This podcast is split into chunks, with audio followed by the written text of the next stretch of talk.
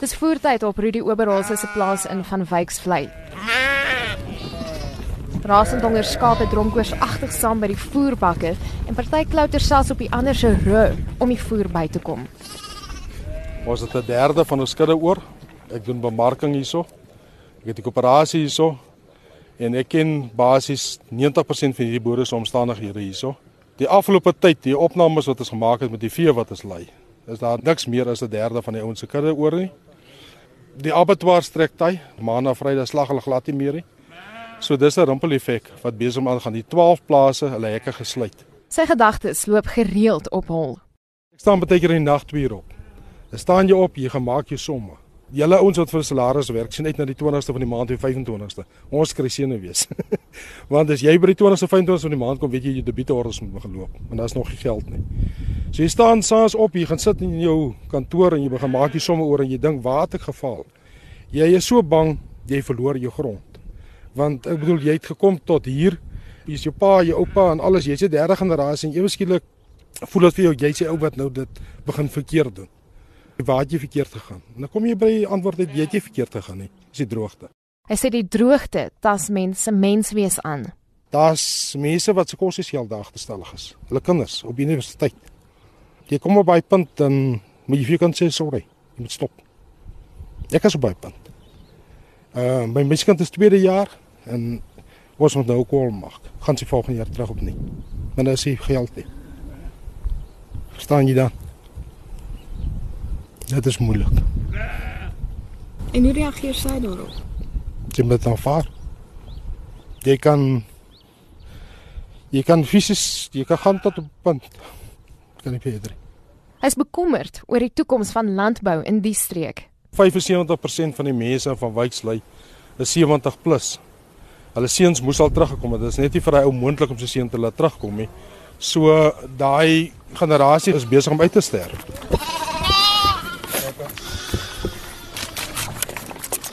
'n Paar kilometer van Rudy se plaas af word minstens 50 handslammertjies op Joe Skoll se plaas gevoer.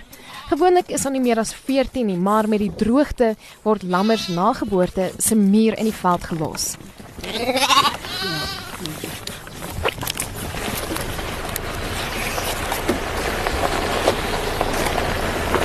Op pad na die karkas van 'n kudubil sê hulle is nou so gewoond daaraan om vrektes te sien dat hulle nie meer regtig daardeur ontstel word nie. Hy sê egter die Engelse gesegde, cowboys don't cry, is lank nie meer van toepassing nie. Daai ou, dan sit maar onder die boom. Dat hy daar as jy moedeloos raak en 'n mens raak die is daar baie gou moedeloos. So 'n week 14 dae terug het 'n uh, paar goed in die droogte my bietjie emosioneel gehad, maar so probeer ons maar elke dag. Maar opstaan, waar jy die vorige dag opgehou het en probeer dit met die hoop 'n nuwe dag, ons kyk die wind, ons kyk die wolke met hoop en geloof. Hy sê boere soos hy voel dikwels magteloos omdat hulle nie kan voorsien soos gewoonlik nie.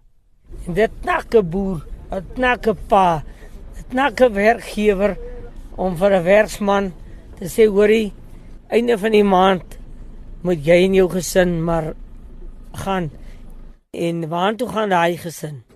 Hulle het vir jou gewerk, hulle saam met jou bloed gesweet. Dan moet hulle gaan honger sit in 'n dorp.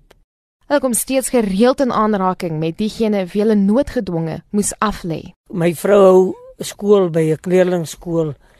As ek net kyk hoe die kindertjies hang aan haar lippe vir hoop en hoe kindertjies na toe kom en sê is dan nie vakansie werk nie. Ons soek geldjies vir kos en sulke goed om skoolklere te koop. Jy staan magteloos, jy kan nie help nie. Dit maak seer. Moes ook nou mense afgelê het. Ja, ons het al so 'n derde van ons werkers mag afgelê. Dis so drie gesinne. Dit is 'n klompie mense wat nou 'n ander heenkome moet soek of honger bly of daai kindertjies wat jou ken keer jou in die straat voor want hulle ken jou sê oubaas meneer ek gee nie 'n R5 ons wil net broodjie koop dit is maar sleg Op Karel Taljaard se plaas is sowat 300 ton ruwvoer per maand nodig. Behalwe vir 'n afname in die beskikbaarheid hiervan en 'n toename van ongediertes wat onder kuddes maai, neem die druk op sy werksmag toe. Hulle moet lang ure werk, hulle moet groter verantwoordelikheid vat. Ons het maar een arbeider per 10000 hektaar oor wat moet help om dit te bestuur.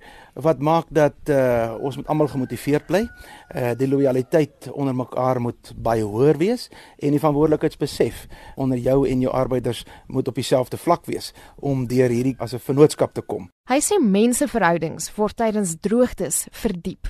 In die droogte is die res van Suid-Afrika se bydra, se simpatie en uh se ondersteuning enorm. En uh beleef ons boere dit elke dag en ons voel dit. Dis emosioneel en dis ook materieel. Iets wat met my gebeur het omtrent 2 weke terug. Ons is redelike skaalgrootte kommersiële boere en het ek 'n oorlewingspakkie ontvang van die gestremde klap van Brandfort en 'n briefie om te sê hulle stuur dit vir ons. Hulle hoop hy kom vinnig reën en hulle gee dit vir ons sodat hulle 'n bydrae kan lewer dat ons hierdie droogte moet oorkom. Nou daai tipe gebare vat jou grond toe. Dis die goed wat 'n droogte aan jou maak. Ehm um, dit ehm um, dit dra by dat ons mense mekaar waardeer. Volgens hom is daar tog waarde in 'n ramp soos die. Die waarde van 'n ramp uh, grawe dieper in die siel in. Die waarde van 'n ramp uh grawe nie die jou diamant uit nie, maar die diamant van ander uit dat jy die ander diamante kan raak sien. Verskeie ander boere vind dit egter daagliks moeiliker om aan te hou hoop. 'n Verskynsel wat Agres aan die Noord-Kaap kommerwekkend vind. Die organisasie se president in die Noord-Kaap, Nicole Jansen, sê dit is 'n uiters persoonlike saak wat boere op verskillende maniere hanteer. Gewoonlik in die boere se gees is dit met humor. So jy tel die werklike situasie baie moeilik op selfs waar ons saam met die kerke en 'n sinodale werkgroep werk wat die humanitêre uitdagings van landbou probeer aanspreek, sê die predikante vir ons dat selfs hulle voel hulle is die laaste persoon wat weet wat die ware emosionele stand van sake is en dit maak dit baie uitdagend om te weet of ons genoeg aandag daaraan gee. Ons probeer in verskillende forme, veral saam met die kerke, vir die boere inlig dat hier is 'n manier van hulp. 'n Noodnommer is hiervoor beskikbaar gestel op elektroniese platforms. Ons is ook deur Agri Noord-Kaap gerad en het ons begin om 'n inligtingspamflet uit te stuur op WhatsApp groepe op Facebook deur ons verspreidingsnetwerke waar 'n 24 uur hulpnommer is wat gespesialiseerd is om boere wat getraumatiseer is by te staan sodat ons probeer om die geleentheid te skep dat boere kan hulp kry sonder om dit publiek te maak. So op 'n konfidensiële manier is daar nou 'n 24 uur noodnommer wat hy kan skakel en sê hoor hierso ek kan vandag nie sodat ons op daai oomblik uh, die boere in die Noord-Kaap kan bystaan en kan help om emosioneel en geestelik sterk te bly om hierdie uitdaging aan te spreek. Dit was Agres as president in die Noord-Kaap, Nicole Jansen. Ek's Marlene Forsie vir SAK nuus. Ons gooi dit fisies in die, bakke, daar nog nie meer. Minder grond en sand op die Kaap, ja.